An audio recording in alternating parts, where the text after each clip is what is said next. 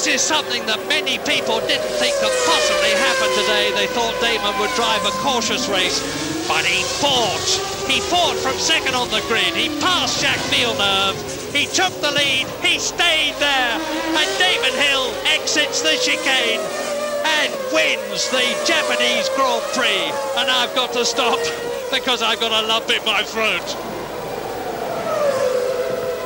Michael Schumacher passes Damon Hill, but too late. Damon Hill wins in Japan. I really am, for once, almost at a loss for words. I'm, I am so happy, as the majority of Britain will be. I must confess I have a very soft spot for Damon, and it has been magnified as a result of his achievements here.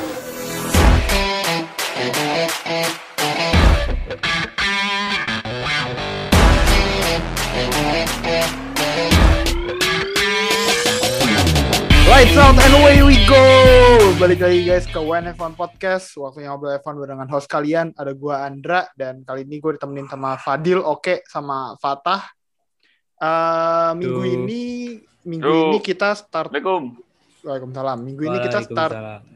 berita itu dengan lumayan berita yang nggak ngenakin. Eh, kita dari WNF1 Podcast turut berduka atas Oh, iya. meninggalnya komentator legenda di Formula One Murray Walker yang tadi sebelum podcast ini sebelum podca- podcast ini kalian dimulai udah ada klip dari salah satu greatest komentarinya dia eh, selama dia di F1 ya dia jadi komentator F1 di tahun berapa Dil?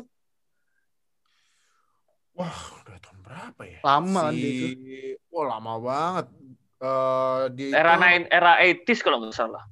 Kalau Harusnya. nggak salah late Lama 70s, banget. early 80s deh. Gue lupa. dia itu jadi komentator F1 dari tahun 1976 sampai 2001. Gila. Iya. Gila Yang emang. lama. gue gue masih ingat ikonik ini dia eh ikonik line dia. Oh my goodness, this is fantastic. Pasti gitu. Ya, oh, oh my, goodness. yang bikin dia famous kan soalnya dia itu kayak bisa apa ya? Orang itu bisa kalau dia itu lagi emosinya itu tertuang di Hmm. ngomongnya itu. Hmm, hmm, hmm. Jadi kita tahu itu kejadiannya bener-bener ibarat kita nggak usah nonton F1, kita dengerin dia lewat radio gitu kita bisa ngerasain atmosfernya apalagi gitu. zaman itu masih banyak masih ada broadcast Nah, radio kan. Yap, yap, yap. Belum Nah, belum rata TV. Jadi masih banyak yang dengerin dari radio. Dan buat beberapa Ya. orang juga Murray Walker ini eh, gue tweet juga kemarin di WNF1. Eh, dia itu yang kenalin orang ke F1 gitu loh. Kalau orang mikir F1 dan siapa komentatornya buat yang nonton F1 pertama kali mungkin dari tahun di antara tahun 76 tadi sampai tahun 2001 itu ya Murray Walker. Jadi eh, ini apa dia punya influence yang sangat gede lah apalagi untuk fans-fans F1 di era tahun 70-an 90-an.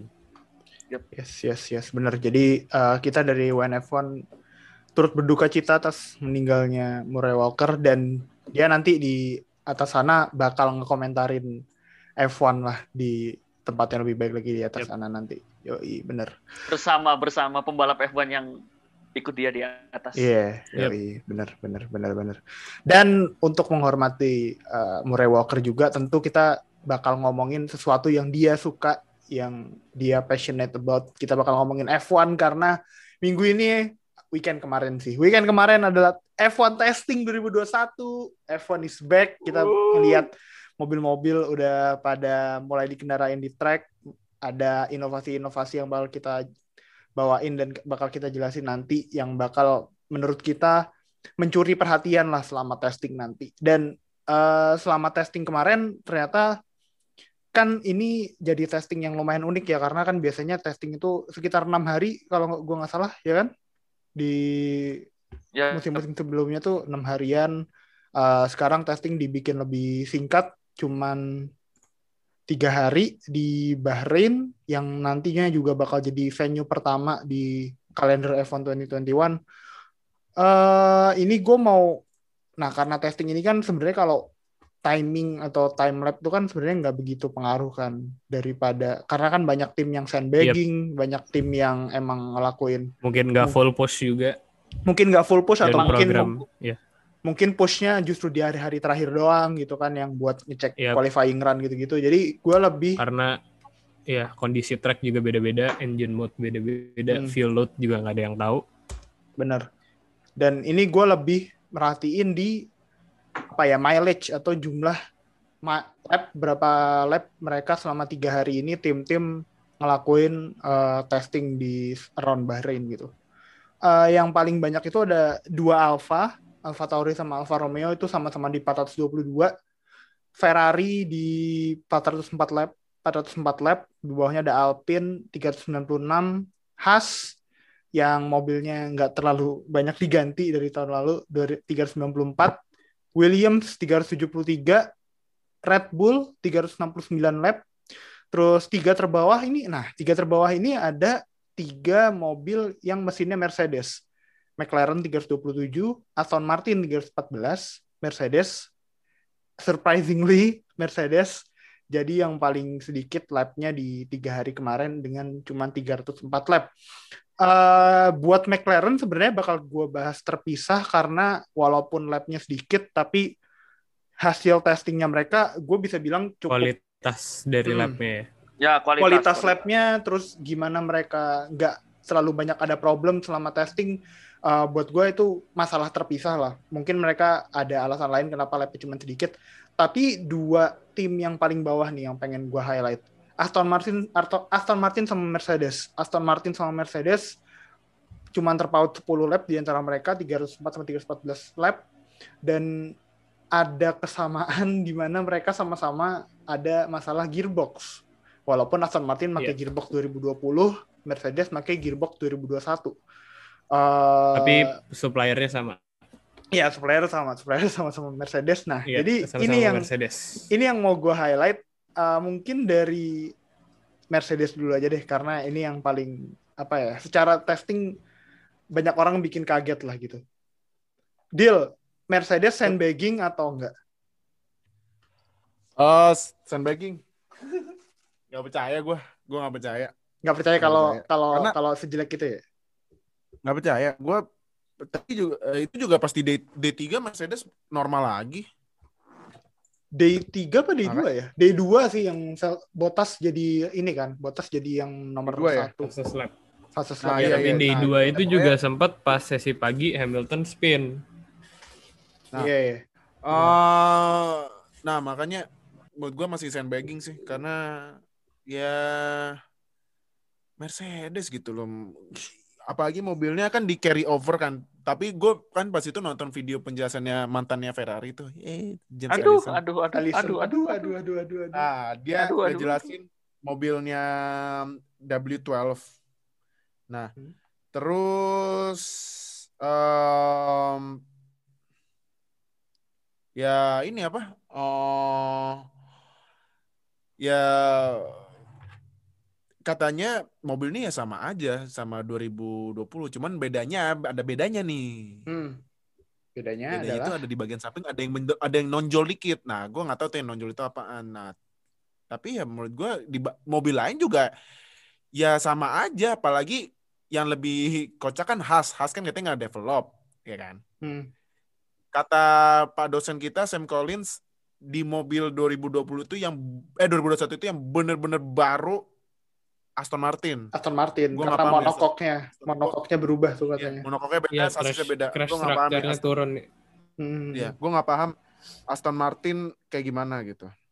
Iya, iya, iya. Jadi ya eh menurut gue kesimpulannya Mercedes sandbagging. Oke, sandbagging tapi Botas, Botas Bentar, nih, gue mau nyangkal nih, gue mau nyangkal. Iya, makanya. nyangkal nih. Botas kayaknya bilang kalau si Iya. mobilnya tuh snappy dan Mobilnya sulit lah dikendarain. Gimana itu? Ah, dan itu kan testimoni dari driver ya dan gue Hmm. sendiri juga lihat beberapa onboardnya Hamilton pas gue kebetulan eh, pas testing eh, rata-rata yang live tweet tuh gue di Twitter WNF1. Bukan- Uh, bukan dipantengin aja. Nah, Iya. Bukan rata-rata Iya, pak. semuanya sih kayaknya. Emang Semuanya kayaknya gue. semua. semuanya gue. Jadi nanti kalau ada race juga kemungkinan besar gue bakal live testing. Eh, live testing kocak. Live Yoi. tweet pas pas race dan Yoi. kualifikasi. Eh pertama gue ngelihat onboardnya Hamilton. Gue gue nggak nggak terlalu ingat Bottas, tapi gue lumayan ingat Hamilton. Hamilton itu banyak banget understeer, terutama di turn 4. Gue ingat banget di turn 4 dia kayaknya lagi Hmm. push lap. Abis itu dia ngelebar. eh kayak kayak kalau gue main di game F1 2020 terus gue pengen nyari lap time pengen nurunin delta dia ngelebar kayak gitu eh terus ada dua momen dia spin dua apa tiga ya gue kurang ingat yang pertama itu di hari kedua dia kejebak di gravel Hmm. eh terus. Grosjean tuh nge-tweet interesting to see the lack of stability from the rear end. Eh, menarik juga bahwa ada kayak rear end-nya Mercedes ini kurang stabil. Eh, tikungan itu di Bahrain eh, selalu nunjuk selalu ngasih tahu eh, kayak gimana nih eh, sifat mobilnya gitu loh. Tikungan yang dimaksud tuh turn 13 di Bahrain ya. Dan kata Grosjean itu tikungan yang kayak cukup menunjukkan gimana nih mobilnya behave gitu loh rear end-nya. Tapi dia bilang kayak Mercedes, eh, dia cukup yakin Mercedes bakal solusi. Terus yang kedua yang dia spin itu di turn terakhir. Iya, turn terakhir. Di Bahrain. Yang malam kan ya? itu ter ya yang udah malam tuh sesi sesi sesi sore hari sore day ketiga, itu di turn 14 yang dia spin. Em, itu kalau nggak salah dia mau push lap lagi siap-siap mau push lap tapi eh, karena kayaknya dia terlalu hati-hati jadinya dia dia nyari spin. Jadi menurut gue Mercedes nggak sandbagging. Menurut gue mungkin emang belum sampai full potential iya karena mereka nggak dapat kesempatan karena banyak problem juga. Selain itu eh, pas ada kesempatan mobilnya kurang kurang mau diajak kerja sama gitu loh. Hmm. jadi eh, kurang apa kurang jelas lah nggak bisa kurang konklusif lah testing ini. Tapi menurut gue Mercedes nggak sandbagging. Hmm. bahkan ada Sam Collins gue kemarin lihat di live di live update-nya testing eh ada yang nanya kalau nggak salah Sam Collins nanya James Allison atau salah satu petinggi Mercedes pokoknya. Dia bilang eh, petinggi Mercedes dia bilang ini sebenarnya mobilnya kurang stabil daripada yang dia expect dan ya dan dia bilang ini kita nggak sandbagging. Walaupun itu sesuatu yang bakal lo katakan saat lo sandbagging sih.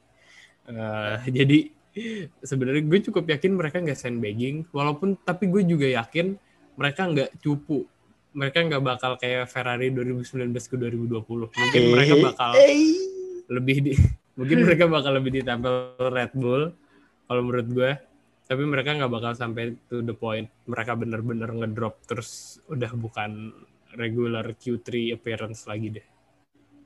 Jadi, jadi ya nggak nggak sandbagging tapi nggak cupu juga at the same time. Hmm. gua gua mau nambahin Fata lagi nerusin Fata nerusin bukan nambahin nerusin aja nah, masalahnya ini kan nggak nggak kayak biasanya kan yang testing harusnya eh testing pramusim. Pramusim harusnya di enam hari sekarang cuma tiga hari. Gua kalau ngelihat dari, dari Mercedes dari awal tuh kayak mereka hanya trying something new aja gitu. Menurut gua kayak bener hal bener baru kata aja ya. Eh, eh, bener kata Fata tadi kalau si James Allison dibilang mereka dia juga kita nggak sandbagging tapi dia juga nggak ngomong kan kalau mereka trying something new gitu loh Hmm, Soalnya- ya benar benar benar benar. Ah, sela- soalnya setelah gua baca-baca dikit baca-baca dikit itu kan ha- di hari pertama Botas itu kan nggak bisa nge-shift nggak bisa ganti gigi Iya, gearbox. nah terus kan Hmm. dia masuk pit dia masuk pit itu langsung diganti satu set gearboxnya plug Oh, jadi satu ini satu seonggok itu satu plug Hmm. nah akhirnya mereka mereka eh, ini mereka di apa ketemu. Masalahnya tuh di eh, di boxnya di di di original boxnya di boxnya gearbox itu. Jadi di tempat gearboxnya itu permasalahannya. Itu masalah pertama. Makanya kan di masalah kedua ketiga itu kayak udah beda masalah lagi yaitu di sta, di sta- kestabilan mobil. F1 kan masalah F, F1 kan eh, apa real wheel drive ya. Kan ban, ban penggerak roda belakang Gue Hmm. setuju banget kalau gue setuju banget kalau di turn turn 13 itu kan lumayan ini ya. Lum- lumayan nikung ya. Lu kan habis yang di RS zone itu turn habis turn 10 menuju turn 11 kan di RS zone terus high speed Iya, high speed cornering 11 12 berkelok-kelok. lumayan kenceng. Yap. Lumayan kenceng itu speed 11 ke corner. 12. Yap. Nah, nah 13 lu kan harus ngerem. Nah, masuk 13 lu harus ngerem buat ke menuju ke tikungan 14. Nah, di situ kan lu setelah ngerem kan slow in fast out. Otomatis kan lu harus nginjek gas lagi. Nah, di situ permasalahan dari permasalahan dari stabil stabil kestabilan bagian belakang mobil bener-bener diuji sih di situ. Gua setuju setuju Fata sih, setuju Grosjean juga. Menarik melihat, menarik melihat bagian belakang mobil Mercedes kurang Nah, stabil. Jadi ngomongin Mercedes nih, gue tambahin lagi Andra. Hmm. Eh, jadi kenapa alasan salah satu ada alasan potensial kenapa Mercedes ini nggak stabil? Mercedes itu punya rake yang cukup rendah dibandingin Red Bull sama Ferrari. Oh, Red rake angle-nya ya? tinggi banget. Rake Ya, angle-nya ya. kalau yang nggak tahu rake angle itu apa? Rake angle tuh basically posisi eh, angle ban dep- eh, bagian depan mobil dibandingin bagian belakang. Jadi rake angle yang lebih tinggi, basically eh, lebih em, lebih miring lah mobilnya. Mobilnya makin mir rake angle makin Condong, tinggi, mobil kayak makin condong miring. ke depan gitu Ya. dia. Hmm. Makin condong ke depan. Nah, eh dan salah satu alasan kenapa Mercedes rear-nya nggak stabil adalah karena floornya tahun ini dipotong, jadi em rear-nya itu kurang stabil gara-gara rake-nya mereka rendah. Nah, apa korelasinya? Gue jujur kurang tahu. Tapi menurut gue, salah satu hipotesa gue nih ya, em rake rendah itu berarti mobilnya lebih rely sama downforce di belakang. Downforce belakang bagi, bagian belakang mobil tuh cukup berpengaruh dibandingin em, rake yang tinggi kayak Red Bull. Mereka lebih rely di bagian depan downforce mobil gitu loh. Jadi karena floor ini dipotong dan cukup signifikan, bukan floor doang kan ada brake duct sama diffuser juga di dipotong. Jadi ya gara-gara itu dua itu dipotong, downforce belakang ngurang, jadinya biasanya nih yang mobilnya stabil, rearnya jadinya kurang kurang ya kurang stabil, kurang lebih sering goyang-goyang. Nah, Ya dan nah, uh, kalau uh, itu kalau kalau gitu gini, gua jadi kepikiran kan musim ini kan kita ngurangin eh, aturannya dikurangin eh, apa namanya floornya kan biar ngurangin downforce di belakang. Nah, gua jadi kepikiran kenapa kok eh, tadi ketinggian apa istilahnya tah rake angle. Rake angle, rake angle. eh, rake, rake angle-nya itu dibikin rendah. Mungkin itu salah satu salah satu Mercedes buat mempertahankan downforce di area belakang deh. Makanya gue mikirnya gitu. Jadi kayak mereka trying something new aja. Eh, Dan dan dan, dan gini gini gini gini. ya. Bentar bentar bentar. Dan uh, gimana, gimana? Kayaknya di selama testing ini rake angle yang lebih tinggi itu emang lebih nguntungin daripada rake angle yang rendah. Soalnya seingat gue bukan cuman red bukan cuman Red Bull doang yang pakai rake angle tinggi dan hasilnya lumayan oke gitu. Gue lupa tim apa lagi. Tapi ketika dibandingin sama tim yang pakai rake angle rendah, eh, kelihatan sih kalau bedanya eh, lumayan jauh gitu dan lumayan Tapi dan gak stabil. tapi harusnya rake angle memang harusnya lebih tinggi, lumayan tinggi sih. Harusnya loh. Setahu gua mobil F1 tuh pasti kayak ah, rake angle-nya tuh pasti tinggi kok di bagian belakang. Makanya kalau emang gitu, gua jadi kepikiran itu aja sih. Apakah itu sesuatu yang dicoba sama sama Mercedes? Ya kita nggak ada yang tahu sih. Kepentingan apa gitu. katanya eh, tadi gue lihat videonya Sam Collins atau gue lupa Sam Collins atau The Race di Talk-nya F1 tuh tadi si Sam Collins. eh jadi Mercedes itu lagi nyoba nyoba gimana caranya mereka naikin rake-nya tapi biar filosofi aerodinamiknya nggak nggak ngerubah satu mobil gitu loh. Jadi mereka masih ngekip Hmm. filosofinya yang sekarang tapi at the same time mereka naikin rake angle juga. Karena ya Red Bull kelihatan lebih stabil lah dibandingin Mercedes. Ya, berarti kalau gue bisa simpulin dari Mercedes nih, kayaknya mereka eh, selain gara-gara masalah gearbox tadi emang kalau dibilang sandbagging bukan lebih ke ini ya, lebih banyak tes sesuatu yang baru karena Mercedes itu seingat gue sebelum season pre-season testing itu nggak ada shakedown mobil. Jadi ini pertama kalinya mobil W12 keluar tuh ya pas testing ini. Beda kan sama tim-tim lain tuh, mereka kan ngeluarin kayak shakedown mobil kayak buat filming, buat apa. Jadi si drivernya udah punya feel lah buat uh, mobil itu sendiri. Yap. Makanya kemarin kelihatan banget kayak Bottas sama Hamilton itu nggak pede gitu buat nganderain W12. Tapi ini sesuatu yang bisa Hmm. diperbaikin dalam dua minggu kan deh. Kayaknya bisa. Ya, gue gue yakin bi- kayak terlalu bi- terlalu bisa kayaknya buat Itu Mercedes. bukan berarti jatuh dari ini. Masih banyak yang harus Iya, masih banyak yang harus diberesin lah. Masih banyak. Namanya juga testing kan untuk emang itu kan soal Iya, purpose-nya testing kan biar ngeraba-raba nih mobilnya di mana. Ya menurut gue ya emang itu gunanya dan menurut gue Mercedes mah bisa sih benerin semua Terlalu- problem. Terlalu bisa, Hmm, bukan bisa lagi itu. Iya dan maksud gue Mercedes eh, inilah mungkin gapnya buat di race pertama bakal lebih deket sama Red Bull daripada tahun-tahun sebelumnya. Tapi it's not like mereka bakal bener-bener eh, jelek sih buat race pertama di next dua minggu dua minggu lagi ya di Bahrain dua minggu lagi. Oke eh, mungkin itu aja sih dari Mercedes yang kemarin lumayan tidak terlihat, terlihat convincing dan gue bisa bilang Mercedes mungkin dalam hati lumayan bersyukur karena masalah-masalah ini ketahuannya pas testing gitu bukan pas race sebelumnya gitu. Gue mau pindah ke nah tim yang di atasnya Mercedes di lap count tapi sama-sama jelek juga. Deal ini tim favoritnya Fadil sekarang sih anjing. Tim yang Apaan, apaan? merchnya udah dibeli sama Fadil. Oh, lagi OTW, iya lagi OTW. Ih. lama ya. Masih lama ya. Apa, ini nyampe. Nah, nah. Aston Martin dia kemarin cuman si Vettel cuman berapa lap? Vettel nih masalahnya kan eh dia di tim baru, dia di mobil yang baru, dia tapi nggak punya waktu yang cukup gitu. Ibaratnya nggak punya waktu yang cukup buat eh dapat feel-nya gitu sama AMR 21. Vettel tuh di testing kemarin dia yang lapnya paling rendah 117 lap doang. Nah, menurut lo ini Hmm. bahaya, ini ini bisa bahaya nggak sih buat Aston Martin? Apalagi kemarin Aston Martin lumayan kelihatan nih problemnya kayak gearbox, terus mobil yang belum kayaknya belum bisa apa ya, belum bisa begitu impresif gitu karena walaupun mesinnya mesin Mercedes tapi kayaknya bodyworknya itu nggak nggak nyatu sama mesinnya gitu sih. Eh, yang tadi ya, yang tadi gue bilang kata Pak dosen kita, Hmm. ini kan eh Aston Martin mobil yang benar-benar beda karena Baru.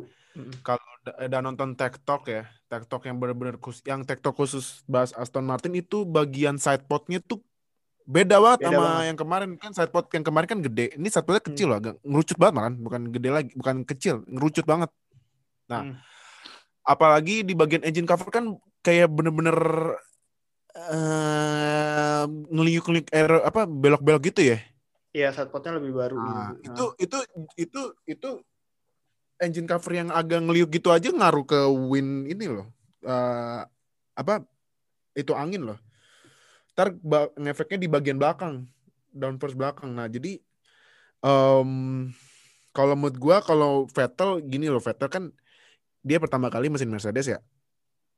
Hmm, Nah. iya ya, iya iya, Ya, benar benar benar benar. Ya menurut gua adaptasinya Iya, dia pertama kurang kali. banyak. Pertama kali dia kan dari awal karir BMW kan dulu kan Toro BMW Rosso, kan. Ferrari, iya BMW, BMW, Ferrari, pertama mesin BMW, Ferrari, Renault, Ferrari, sekarang Mercedes. Nah ini kan Mercedes benar-benar beda. Gue pas itu non, gue nonton testing, katanya kan ditanya tuh, eh, menurut anda eh, gimana pembalap adaptasi sama mobil baru? Nah dia langsung ambil contohnya eh, Vettel katanya ya eh, kita ambil contoh Vettel eh, ini kan Vettel em, dia pertama kali pakai Mercedes berarti kontrol itu harus beda gitu karena kan pasti mesin-mesin mesin itu kan punya karakteristik sendiri ya. Hmm. beda-beda kan karakteristiknya. Hmm. jadi ya Vettel harus tahu gimana di mana limit mesin Mercedes itu gitu. Hmm. nah dan menurut gue Vettel masih belum dapet. Makanya ini ada waktu dua minggu. Nah kan tapi kan dua minggu nggak boleh latihan tuh di Bahrain kan? Nggak boleh, Nah, nggak boleh. berarti kan bisanya kalau nggak di Silverstone atau di mana gitu kan. Kita lihat bagaimana Vettel bisa adaptasi gue sih prediksi kayaknya Vettel di Bahrain kayaknya ya Hmm. kayaknya Vettel di Bahrain bisa di bawah Stroll sih. Iya, bisa jadi sih. Maksud gua Stroll lebih familiar kan sama bodywork sama timnya sendiri kan. Stroll tuh juga Iya. kemarin pas testing 197 lap. Lebih itu dia top 10 jumlah lapnya di uh, preseason kemarin makanya. Jadi, jadi kalau misalnya Vettel di bawah Stroll ya pasti Min pada keluar kan. Tapi gue Hmm. ya gue nggak kaget ya. Bisa kan Vettel tim baru pertama kali pakai Mercedes. Nih, Mhm. Dan itu pun tuh dan itu pun nggak juga nggak terjadi ya, itu pun nggak terjadi di Aston Martin doang sih. Dari Hmm. di sebelum waktu di Ferrari, waktu di Red Bull pertama kali juga dia juga mengawali musim juga nggak terlalu impresi, impresif. Hmm. Nih, buat perbandingan, Sebastian Vettel itu kalau nggak salah dia dapat eh, gue lupa dua atau satu setengah hari total sesinya. Hmm. Tapi dia itu dapat total lap count itu 117. Buat perbandingan, Nicolas Latifi itu kedua terdikit di atas dia Iya. 132. 132. Tapi Latifi itu cuma sehari. Bener. Sedangkan Kimi Raikkonen yang paling banyak itu 229. Ah, dia enggak, count-nya dalam sehari itu itu itu total 229 tapi dalam Hmm. sehari dia dapat 167 dan Vettel selama tiga hari. dia gue lupa dapat berapa sesi dia cuma dapat 117 lap. Jadi ini aduh detrimental banget sih karena dia masih belum masih di tim baru environment baru engineer baru mekanik baru. Hmm. jadi ya um, di slow lap count is concerning sih menurut gue. Jadi jangan expect Aston Martin ataupun Vettel bisa langsung perform bagus di race pertama. Mungkin habis beberapa race baru ada pick up momentum uh, ada beberapa race bagus habis itu pick up momentum tapi kalau gue pribadi sih jangan expect terlalu gede sih Hmm. Nah, benar Ya. benar benar benar. Kalau gue boleh out dikit deh, yang pembalap baru gue justru gue yang paling penasaran Ricciardo sih. Dia kan pertama kali udah pakai mesin Mercedes nih kan. Hmm. Tuh. Tapi kalau gue di, di testingnya ya Ricciardo menurut gue ada udah Oke. adaptasi. Udah adaptasi, Oh. iya bener, bener. Udah bagus. Karena ya McLaren McLaren in my opinion ya semenjak dipegang sama Zac Brown itu sasisnya lumayan lah. Pas Bukan- sebelum Zac Brown zaman-zaman Honda aduh hancur banget kan. Honda eh, dikit-dikit mobil rusak, dikit-dikit mesin meledak. Nah, semenjak Hmm. sama Zac Brown tuh McLaren beda. Sasisnya jadi lumayan. Kan dicolok sama Renault bagus kan? Menurut gua sama Mercedes bakal lebih bagus lagi sih. Cuman ya tinggal tunggu tinggal dari Norris sama si Ricciardo aja nih si Yep. duo badut meme nih dapat limitnya eh tahu limit Mercedesnya di mana gitu.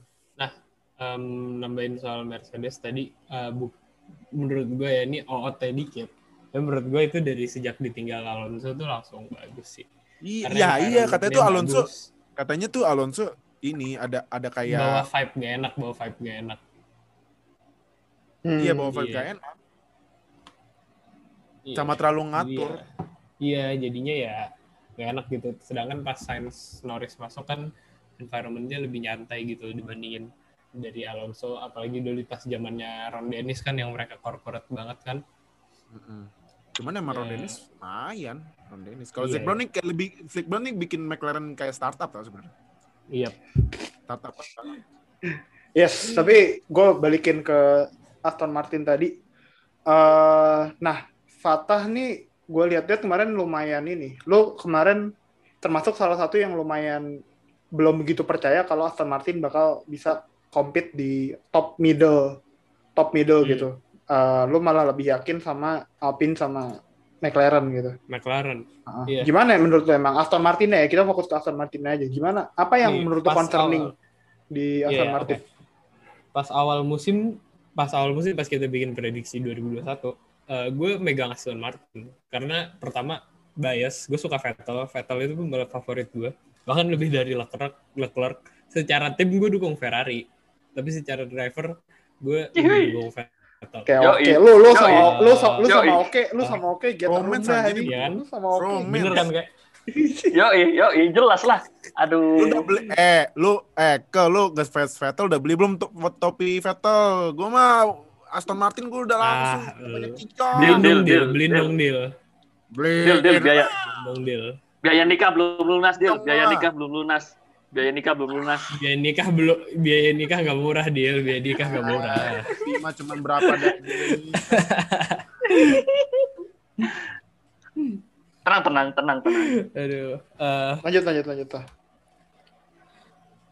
tapi karena dan juga dari performance Racing Point tahun lalu dan masuknya Vettel ya apalagi dia four time world champion.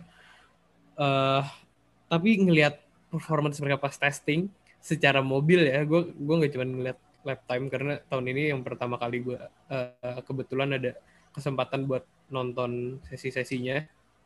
Jadi dari lihat dari mobil eh kayaknya mereka kurang kurang kurang ini kurang pede aja gitu dengan mobilnya. Vettel juga belum nyaman apalagi lap count dia rendah nggak nyampe eh sorry eh cuman dikit di atas eh, dua race distance di Bahrain. Sedangkan ada beberapa pembalap yang dapat tiga bahkan tiga setengah sampai empat kali race distance-nya Bahrain gitu loh. Jadi gue gue kurang pede aja sih sama As- Aston Martin. Walaupun dia gue harapannya gue gue dukung eh, harapannya sih mereka bisa perform bagus dan gue pengen lihat Vettel di top step of the podium lagi tapi eh, kurang meyakinkan aja gue lebih yakin sama McLaren Eh, Norris dan Ricciardo kelihatannya suka sama gua justru prediksi ya Vettel bakal agak lebih struggling. Kayak pas di Iya pas makanya. hybrid era awal-awal 2014 yang dia yang benar-benar struggling banget sama Red Bull kan hybrid era. Menurut gua Vettel bakal kayak gitu tapi nggak separah 2014 gitu. Masih ya masih dapat poin cuman ya Iya. poinnya ya nggak nggak nggak gede-gede gitu. Nggak, nggak Makanya begitu nggak- banyak. Iya betul. Betul, Makanya betul, nggak kaget. betul. Makanya gue gak kaget kalau misalnya Vettel di bawah Stroll Yes. di beberapa race. Kecuali kalau ada update terus Vettel suka dan cocok, nah baru the real Vettel. Sayang sih, maksud gue eh, kemarin kelihatan banget reliab- reliability issue karena kalau buat Aston Martin selain gearbox tuh sempat turbochargernya segala eh, problem kan kemarin bahkan black screen sampai Turbocharger dan gearbox. black screennya sampai sampai keluar kan di di depan garasinya Iya, pas Aston hari Martin terakhir. kemarin. Hari terakhir itu ya? Lupa gue soalnya Yep. kapan itu. Hari Makanya terakhir. Vettel cabut duluan soalnya. Black screen itu betul. berarti kan aturannya beda. Black screen itu bongkar mesin berarti. Bongkar Iya. mesin. Iya. Dulu Ah, boleh dipasang mesin, bukan kapan mesin. aja, tapi sekarang Ah, ah, sekarang nggak boleh. Bongkar mesin baru Nah, boleh sekarang bukan mesin doang. Iya. Hmm, makanya emang emang problemnya lumayan serius gitu Aston Martin kemarin eh, masalah reliability segala macam. Tapi kalau ngelihat eh, Mercedes sama Aston Martin yang sama-sama mesinnya Mercedes, eh, ini gua nggak bisa bilang yang sama dengan Williams sama McLaren ya, tapi ini mulai kelihatan isu reliability nggak sih di mesin Mercedesnya ini dari dua dua tim ini? Apa? Nah, kalau Mercedes, kalau Mercedes gue kayaknya ini, kayak kayaknya nggak setuju. Kalau di Aston Martin ada kemungkinan. Karena Mercedes gue masih percaya pada gue itu tadi. Kayak mereka tuh hanya mencari, ya try itu something new aja. Bener-bener, bener-bener itu. Kalau di Aston Martin, mungkin ya, mungkin Bias lu kayak ada masih ada Mercedes. kemungkinan. Eh tapi bentar, gue gue mau nanya deh, gue abisnya nggak terlalu matiin. Ah. Problemnya McLaren sama Aston Martin lebih banyak Aston Martin ya? Lebih banyak, banyak, Aston jauh, Martin Pak. parah. Jauh, jauh. Aston Martin Oh, iya. parah. jauh, Jauh. jauh, Parah. jauh. Count mereka juga jauh dibandingin ini. Dibanding, Dibanding McLaren. Iya. Iya, Prediksi gue Jauh. karena karena mobilnya bener bener baru, jadi dia kan ya me- me- mesinnya juga nggak ini kan, nggak nggak berubah banyak. Menurut gue karena kata Pak dosen kita bilang Aston Martin itu mobil yang bener-bener baru dibanding semua mobil eh, ini di F1 yang sekarang. Kayaknya sasisnya nggak nggak nggak terlalu nyambung sama mesin Mercedes gitu. Hmm, iya bisa jadi. Prediksi gue gitu. Hmm, gue juga, gue juga mikir. jadi gitu. kalau- Kalau menurut gua, in my opinion ya, em, kayaknya yang harus diupdate itu mungkin bagian samping sama engine cover deh. Hmm. Kayaknya ya. Hmm. Karena Bisa kalau depan sih, depan depan menurut gua efektif sih depan. Yang ng- masih ngopi Mercedes cuman samping sama ininya nih. Nah, sama ini. Gua baru inget kata Pak dosen. Katanya pas di hari keberapa gitu. Aston Martin kan pakai brake duct, brake duct baru. Nah, tapi iya, tiba-tiba benar. Hari kedua diganti. tiba-tiba ini tiba-tiba ganti balik ke ini, balik ke Racing musim point. kemarin yang ngopi Mercedes. Nah, Iya. itu udah masalah lagi tuh. Brake duct-nya nih. Itu. Bisa jadi Break bisa jadi masalah, bisa jadi emang lagi ngecek aja lebih enak yang Nah. mana kan. Iya, bisa jadi gitu. Nah, cuman kalau misalnya kan desain break duct-nya itu kalau makanya eh, yang yang dengerin podcast ini ya sering-sering nonton Pak dosen ya karena itu Pak dosen bener-bener wah gila insightful banget sih parah sih. Gue yang nggak dari nggak paham F1 jadi oh jadi gini gitu. Nah duct-nya itu baru dia lebih kecil lebih sama lebih lebih kecil sama lebih rapet gitu. Nah yang ngopi Mercedes itu kan agak gede agak bulat gitu ya. Nah gua feeling mungkin ini testing dulu mau pakai yang mana. Cuman kalau misalnya ternyata ujung-ujungnya pakai yang kemarin, berarti deck yang baru fail. Gitu. Yes, ya itulah berarti Aston Martin. Aston Martin emang emang case-nya menarik sih Aston Martin. Hype-nya tinggi, tapi kok dites kayak gini gitu. Hmm. yang lumayan low key Ah. tapi hype-nya nggak terlalu banyak tapi malah uh, lumayan bagus di testing kemarin. Mesin Mercedes juga, McLaren. Apa tuh? Hmm. Ini kemarin dijadi, ini gue mau move on ke hal-hal yang lebih positif lah dari testing kemarin. Uh, hal-hal yang gue temuin lebih positif. Uh, McLaren itu selain lap-nya lumayan oke, terus Norris sama Ricciardo nyaman sama mobilnya. Uh, yang jadi talking points sepanjang testing adalah diffuser. Yang diffusernya legal kata orang sih legal tapi ternyata baru baru banget gitu belum belum ada yang Oh, Ih, diffuser legal. itu. Ih, Itu- ih, legal. I-nya dikurung. I-nya Ya. dikurung. kayak inovasi baru banget gitu. Tapi eh menurut gua kunci engineer F1 pinter apa enggak itu adalah menemukan loophole. loophole. Dan McLaren Betul. menemukan Bukan loophole. Betul. Kayak das kayak das tahun lalu. Das tahun lalu. Mungkin siapa tahu diffuser tahun ini McLaren bisa bikin mereka lebih lebih dekat ke top 3 maksud gua gap mereka ke Red Bull sama Mercedes bisa lebih dekat gitu dari- daripada mereka bisa going di midfield gitu. Tapi diffuser yang baru nih bentuknya kayak apa sih tah? Dan apa efeknya sih ke mobil McLaren selama testing kemarin? Hmm, secara efek gue kurang tahu ya jujur, tapi apa-apa. Bentukannya ini tuh jadi mereka itu manjangin floor, manjangin eh kayak McLaren, eh, sorry plank plank lantainya itu dipanjangin ke belakang. Jadi mereka boleh manjangin eh, strike-nya. Jadi kan strike-strike-nya McLaren ini kan strike-strike mobil F1 ini kan dipendekin. Tapi karena mobilnya mereka mereka naikin nih belakangnya, jadi misalnya ini contoh aja gue nggak tahu sih persisnya berapa. Misal katakanlah strike-nya tahun ini tuh dipendekin dari 500 mm ke 350. Terus dulu t- atau misalnya dijarakinnya dari atau eh, pokoknya dari atas sampai bawah 350 meter dari titik ini di mobil. Tapi McLaren manjangin diffusernya ke belakang, dia dinaikin dikit ke atas biar strike-nya masih bisa panjangnya sama kayak tahun lalu. Jadi secara teknis sorry. Lanjut. Secara teknis ini eh, diffusernya ya panjangnya masih sama. Jadi mungkin mereka nggak bakal loss of downforce-nya ya nggak nggak sebanyak yang diinginkan oleh FIA dan F1 gitu. Iya, iya benar. Eh, dan yang bikin, nah ini juga yang gue sempat tanyain, sempat mempertanyakan gitu, dan beberapa engineer Mercedes, McLaren juga mempertanyakan gitu. Ini bisa ditiru kah berarti sama tim lain buat pakai ini kalau misalnya hasilnya bagus? Bisa, bisa banget. Dan emang kemarin lagi diomongin tim-tim lagi ngebuka apa ngebuka bu- ngebuka buku regulasi juga, ngebuka undang-undang Undang-undang. undang-undang F1 Eh, dan mereka lagi nyari-nyari juga apakah ini boleh atau enggak dan mungkin mereka bakal nunggu sampai season, season opener di Bahrain baru setelah itu kalau ternyata bagus mereka bakal copy dan dan itu emang eh, copyable banget lah bukan sesuatu yang apa ya yang susah Susah. ditiru kayak das Hmm. em, atau metode-metode lain. Tapi karena ini kayaknya eh, dari yang gue udah baca-baca dan gue udah tonton sih itu sangat sangat mudah untuk ditiru lah kalau tim lain mau niru sebenarnya bisa-bisa aja.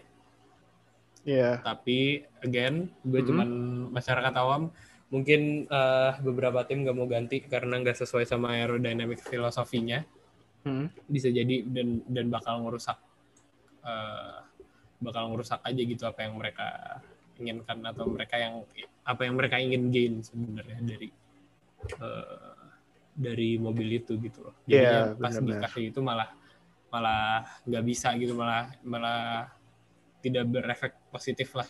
Mm-mm. Karena Gitu kan apa ngerubah diffuser kan berarti kan harus ada part lain yang dicek kan. Maksudnya kalau di ini diffuser dirubah part yang ini responsifnya bakal berubah apa enggak. Karena uh, McLaren Yep. ini secara secara buat driver tuh udah sangat sangat friendly gitu. Udah sangat gampang dibawa ketika McLaren mobilnya di push juga uh, dia bisa responsif gitu si mobilnya terbukti kemarin selama testing itu McLaren tuh walaupun lapnya nggak banyak tapi uh, testing time-nya me- mereka termasuk ke yang tiga teratas gitu di bawah Mercedes sama Red Bull.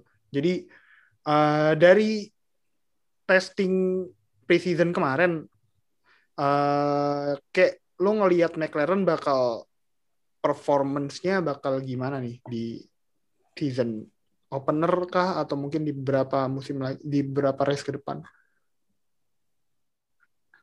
Hmm, musim kemarin mereka finish berapa? Empat. Tiga Empat ya?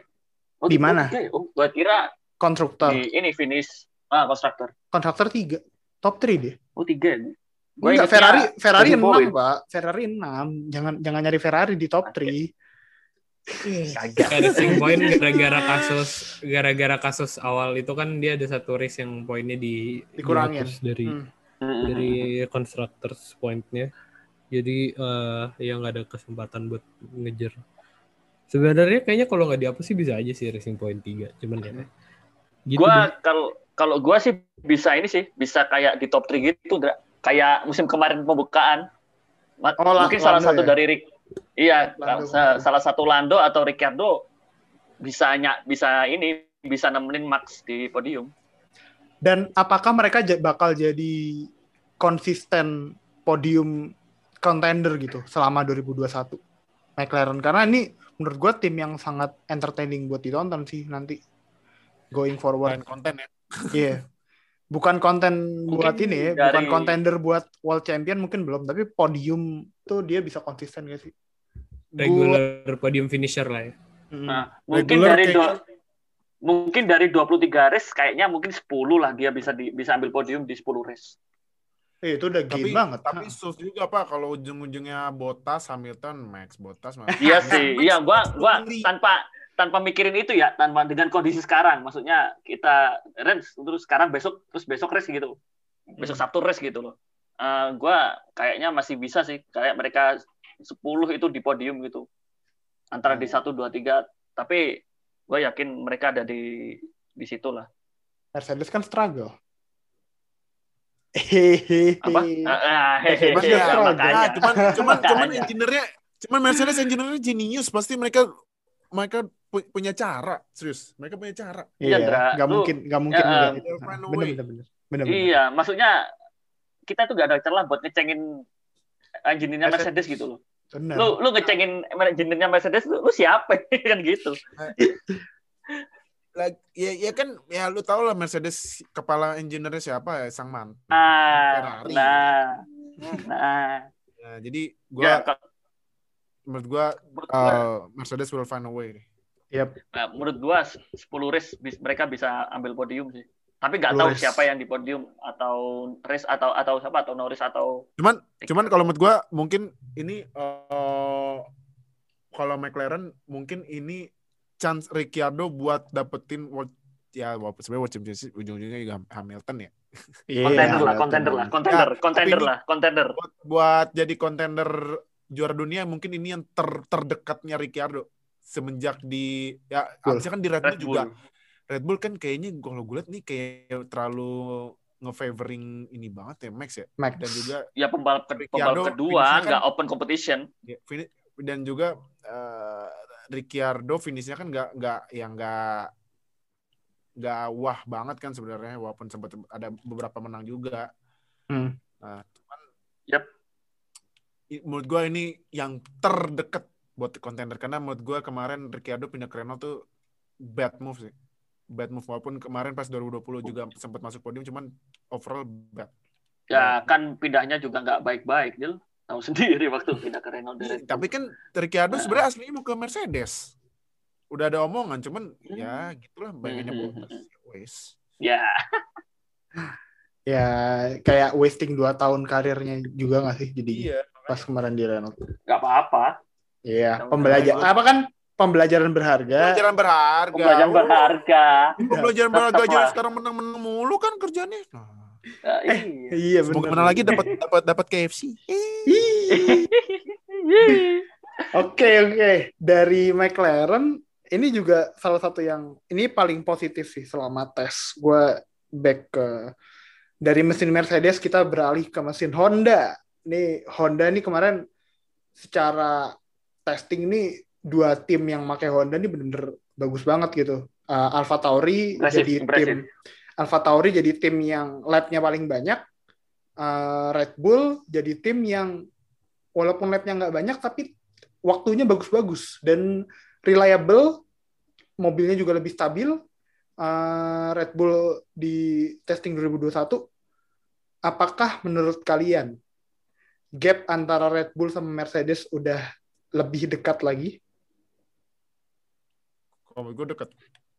tambah deket Karena tuh? tambah deket karena ya sebenarnya sih eh, kan ada sup- superstitious dari ya ada stats dari WTF1 ya. Nah, yang bil yang eh, bilang dari musim berapa ya? Gue lupa. Eh, tim yang paling cepet di Testing. itu finishnya selalu top 4 dia empat ke atas. Nah, nah ini Red Bull paling cepet kita lihat gitu. Karena ini juga mungkin ya udah season terakhir sama Honda walaupun musim depan bakal take over facility-nya Honda jadi Hmm. maksimalin lah mumpung mumpung ini mobilnya sama kan dan dilihat oh Mercedes gangguan nih ya wes coba. Jadi Hmm. kalau jadi jadi kalau prediksi gua Max porsi menangnya bakal nambah. menang bukan podium Menang, bukan menang, podium lagi menang. menang ya Bukan podium Menang. lagi menang. Porsi Oke. menangnya nambah. oke Pe- Oke. nah, apalagi teammate-nya Perez yang menurut gua bakal push Max to the limit. Ah, ini ini. Perez tuh dapat berapa lap Kayak- kemarin ya kayak kayak ini kayak Kambiang Racing Team pembalap Yoi. keduanya kalah mulu iya, makanya kan makanya, makanya lu nah, kan itu kan psychological juga kan makanya Albon Albon Chaps kan eh kayak kayak kemarin Albon kan Albon nggak bisa handle the pressure. Nah, ya udah. Eh, apalagi katanya nih ya, gue gue boleh dikit aja, dikit info. Bisa gue kemarin nonton ini ya, eh, reviewnya dari WTF1 yang non spoiler, walaupun ada spoiler dikit ya. Katanya nanti itu eh, Horner ada momen yang dia bener-bener menganaktirikan Albon. Gue penasaran kapan. waduh waduh. Jeng jeng jeng jeng. Ay ditonton nanti. Konten. Karena Tapi karena iya, ya, iya, tahu emang berasa sih ini emang kan- kulturnya Red Bull kayak gitu dari Horner dulu. emang kulturnya gitu selalu ngeinin pembalapnya tuh eh, nggak ada Horner tuh kayak nggak bisa ngejagal dua dua sudah orang banyak korban gitu. ber- sudah banyak korban berjatuhan Udah banyak korban dari dari David Coulthard pas sama Weber, dari Weber pas Weber sama Vettel Vettel sama pas sama Ricciardo. Ricciardo, Ricciardo, Ricciardo sama sama Verstappen. Gasly sama Albon. Verstappen, Albon sama Verstappen, udah Terus udah, aja tuh. udah sering, udah udah biasa gitu loh. Jadi Udah kayak kulturnya aja di Red Bull. tapi tapi menurut gue kayaknya Per- eh, dengan adanya Perez dan Perez mungkin bakal ya tadi gue bilang bakal push the limitnya Max. Jadi ah gue bilang Max makanya tadi gue bilang Max porsi menangnya musim ini bakal nambah. Kan Hmm. makanya dia kemarin menang ini ya tiga nggak salah ya? Eh tiga nggak sih? Gue lupa. Yang di Inggris Inggris Abu Dhabi Inggris, Abu Dhabi bisa sama satu. udah anjir Um, Oh dua dua dua dua. dua doang dua doang Menurut doang. bakal nambah ya mungkin ya, Lima? Lima? lima race mungkin. Mares menang ya Kalau menurut gua Red Bull di di di Austria ntar menang loh. Ya, ya deal kayaknya race race awal-awal kayaknya Max bakalan ini sih bakalan di podium bakal juara menang terus sih kayak Bisa tiga race jadi. pertama Bisa gitu jadi, kayak bisa jadi. race pertama gitu ya, bisa jadi soalnya ya ya tadi McLaren eh Mercedes lagi Mercedes lagi ada sesuatu lagi eksperimen lagi eksperimen, lagi eksperimen si Max Verstappen bisa nambah jadi menangnya lebih banyak gitu. Eh nih gue karena ngomongin Verstappen ya, pas lihat uh, onboard yang lap tercepatnya dia selama testing kemarin, ini mobil uh, cepet terus Verstappen kayak bener-bener bisa ngendaliin sih. Uh, beda sama kan kalau gue lihat di Iya. reportnya tuh beda sama 2020 kemarin tuh yang lumayan banyak spinnya. Sementara kemarin di di Red Bull di 2021 testing itu masalah yang lumayan berat paling cuman mobilnya Perez kebuka auratnya doang kan itu kan. Yang pas hari Kayaknya pertama Max Oh iya, sudah aurat ya? nyaman deh. kebuka Max auratnya. sudah lebih nyaman Eh ini gue baru inget nggak bahas ini Alpine kena body shaming. Waduh, iya. nanti lah. Iya, Iya, Alvin body shaming kan. Airboxnya shaming tuh. gede, airboxnya gede. Sih gede banget buset. Katanya katanya dibilang body ada shaming tapi penjelasan tuh, ada penjelasan. nah tapi ke- kemarin Pak Apa? dosen udah bilang eh, katanya dosen. itu single apa apanya gitu pokoknya semuanya di Central Central line Central, iya, apa gitu. Ya, katanya jadi, eh, jadi jadi basically dipindahin satu gitu di atas. Jadi Iya, jadi gitu. eh, semua coolingnya nggak semua, Cooling ya, tapi cooling ya, kebanyakan. Kan Iya. biasanya cooling itu di side pod. Iya, ah, cooling ah, iya iya side pod. iya iya iya iya iya. Eh, cooling radiator segala macam di side pod, tapi sama Alpine dipindahin ke tengah. Nah, Secara vehicle dynamic, ini kata Sam Collins ya, secara vehicle dynamic jelek. Tapi si vehicle dynamic kayaknya itu artinya ini gue sotoy-sotoyan, tapi kayaknya vehicle dynamic itu artinya cuman dari keindahan mobil aja gitu. Iya tapi- ya. dari segi aerodynamic itu itu sebenarnya sesuatu yang bagus gitu karena dari kerampingan body sampingnya itu dia bisa nyari waktu dan bisa nyari lap time lah Iya benar benar benar. Makanya Alpine tapi menurut gua Alpine ini sih prediksi gua Alpine ya tandingannya sama eh ya tengah-tengah lah Alpine. Mungkin ini nah mungkin sama Alfa Tauri yang kemarin testing juga menurut gua lumayan. oh sorry Eh, maaf ternyata vehicle dynamics itu eh, gimana pergerakan maju sesuatu suatu kendaraan itu dipengaruhi sama driver input Oh, oh driver input. Oh, Gitu-gitu. oke. Iya. Iya. Nah, Tapi Nah, tapi jadi gua itu secara vehicle dynamics jelek, tapi secara aerodynamic eh, bagus. Jadi mungkin berarti eh, mungkin nanti kurang responsif, tapi ya kita lihat saja nanti di pembukaan. ya jadi em, kayaknya sih Alpine bakal saingannya sama Alfa Tauri sih. Kalau gue ya. Di di posisi berapa tuh berarti Al? Paling lim- empat empat lima enam paling. 45 Itu itu itu bisa jadi kayak Alpine, Alf, Racing Point sama eh Racing Aston Point Martin. anjing. Enggak Alpine terus eh, Aston Aston Martin sama nggak tahu kalau kata gue eh Alfa Tauri sih paling. Ya Alpine Alfa Tauri. Ferrari Aduh. Iya anjir gue lupa ada Ferrari. Gue lupa anjir ada gua, Ferrari. Gua, gua, gua sebenarnya Ferrari itu gue penasaran katanya new engine. Gue belum belum menurut gue kemarin tuh the, the real apa belum uncovered aja real engine yang kayaknya masih ditahan dikit gitu karena kan katanya mesinnya bener-bener baru kan.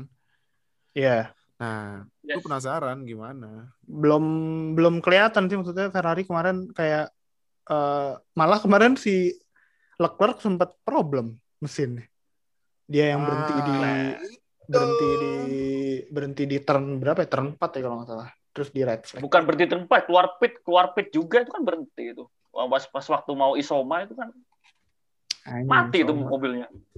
Iya, makanya jadi gue kasih panggung dah nih fans Ferrari gimana testing kemarin tuh. gue kurang merhatiin sih jujur Ferrari karena kayak ya udah gitu loh biasa aja testingnya nggak ada nothing eventful iya gue juga nggak nggak gue nggak inget sesuatu yang spesial juga dari Ferrari kemarin Emang emang nggak ada yang spesial dari Ferrari, Pak. Yang headline nggak kemarin ada. ini doang sih McLaren diffusernya sih gue penasaran banget itu. iya kemarin diffusernya itu yang nanti bisa Tapi yang bakal di iniin. Gimana kayak ya benar. Tapi Ferrari kok itu gua oh, ya ya ya Fata Lanjut. dulu lah, Fata dulu. Ferrari itu katanya Sainz itu masih kurang nyaman.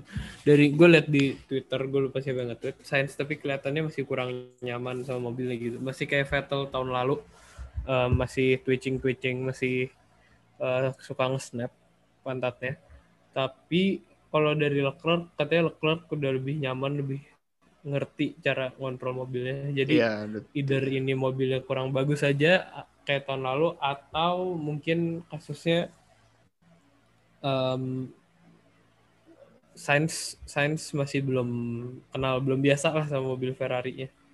yang dengan segala ketidakenakannya. Aduh, Betul. Ya, nggak usah nggak usah banyak banyak lah dibahas Ferrari gitu. Oh, tadi Red Bull udah, Alpine udah. Kayaknya tim-tim lain juga nggak begitu banyak yang bisa Iya. dibahas yang ketemu ya. Kayaknya Kalau Haas ya sesuai ekspektasi bakal paling pelan sih karena nggak develop juga. paling Alfa Romeo Ah, yang Alfa Alfa, Romeo Romeo, sih paling- lumayan lum- Alfa Romeo lumayan reliable tuh. Soalnya Raikkonen dapat lap Ya, terbanyak kedua, terus paling Alfa Romeo secara tim lapnya paling banyak. Paling banyak. Hmm. Itu mesin Ferrari yang nggak ada masalah sama sekali tuh si Alfa Romeo. Iya. Haas ada masalah ya? Haas nggak ada juga sih. nggak nggak ada juga sih, tapi kan Haas pelan aja. Ya, cuman Haas ya nggak Pelan aja. develop. Apa ya paling ada improvement lah kalau gue ngeliatnya Alfa Romeo paling ada improvement di antara tiga mesin Ferrari yang kemarin. Kalau Ha- Haas kan si ada, Haas kan, aduh. Iya. Si Ah, ada. Si, sehingga improve mobil si baru tuh So, mobil. Tapi gue juga nggak yakin. Gue juga nggak yakin Haas 2022 bakal bagus. Habisnya ya sponsornya dikit. Mau Ah. dapat duit dari mau Ural Ya, kalau kali, misalnya- ural kali F1 tim udah bukan Haas F1 tim. Iya. Murah Iya, kali, kalau- oh negara kalau- kalau- dibeli. kalau- kalau Haas mau benar-benar bagus 2022 ya Haasnya dibeli sama bapaknya Mazepin kayak ini aja Aston Martin. Hmm. Apa namanya ya? Ural kali Ferrari F1 tim. Tetap Enggak, ya, tetap tetap pakai aja. Tetap pakai pakai Ferrari. tim, cuman Haasnya dari sponsor. Haasnya jadi sponsor. iya, saya jadi sponsor. Haas yang awalnya jadi tim jadi sponsor. Kan sama kayak BWT kan BWT Racing Point kan sebelumnya. Sekarang jadi Aston Martin, BWT-nya jadi sponsor.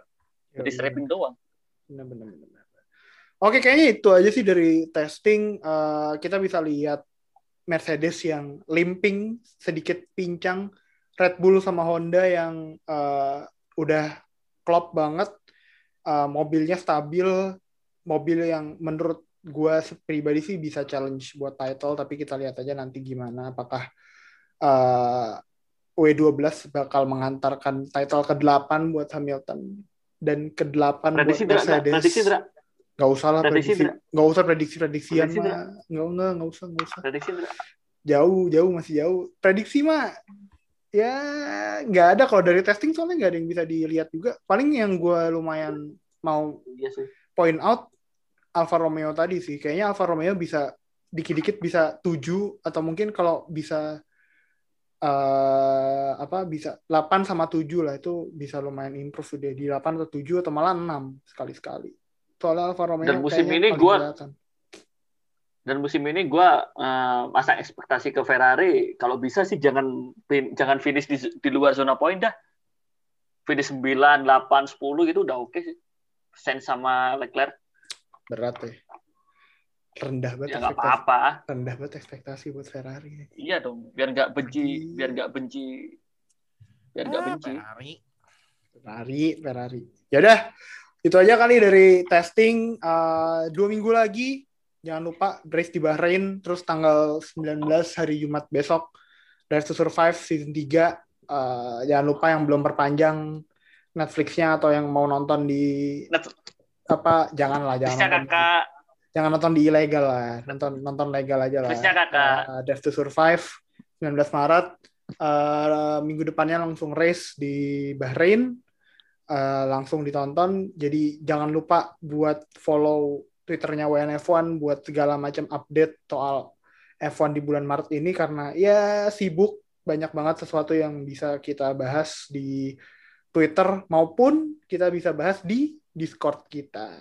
Jangan lupa yang belum join. Jangan lupa yang belum join di Discord WNF1 join uh, linknya ada di Twitter. Jadi tadi follow Twitter sekalian join Discord follow kita juga di Instagram di @wnf1_official Twitter wnf1official uh, udah kalian ada yang mau nambahin atau bisa kita Hmm. tutup Ya jangan lupa Jumat eh ya jangan lupa Jumat langsung Ibadah. binge nonton F1. Ibadah Drive to Survive langsung. Nah, ibadah Drive to Survive sama Falcon and Winter. Eh, Eh? oh, oh, maaf. salah, salah, salah, salah. Oh, oh, server, Pak. Salah server. DTS, DTS. DTS, DTS, jangan lupa DTS. Yang lain ada yang mau nambahin? Eh, apa ya? Nggak ada sih. Gue deh gitu sampai ketemu di preview aja lah, sampai ketemu di preview. Yoi, next Review Bahrain GP. review Bahrain. Akhirnya, akhirnya kita rekaman reguler. Yoi, bener. Tapi ya, Yoi. ya Maret, Maret juga udah lumayan reguler lah. Maksud gue udah banyak yang dibahas. kan. Iya. Maksudnya Oke. reguler ini preview sama review. Iya, betul. Oke, okay, uh, thank you Dil. Oke, tah udah join Yo. di episode Yo. F1 testing review dan see you guys in our next episode. Bye guys. Bye. Bye. Bye. Bye. Bye.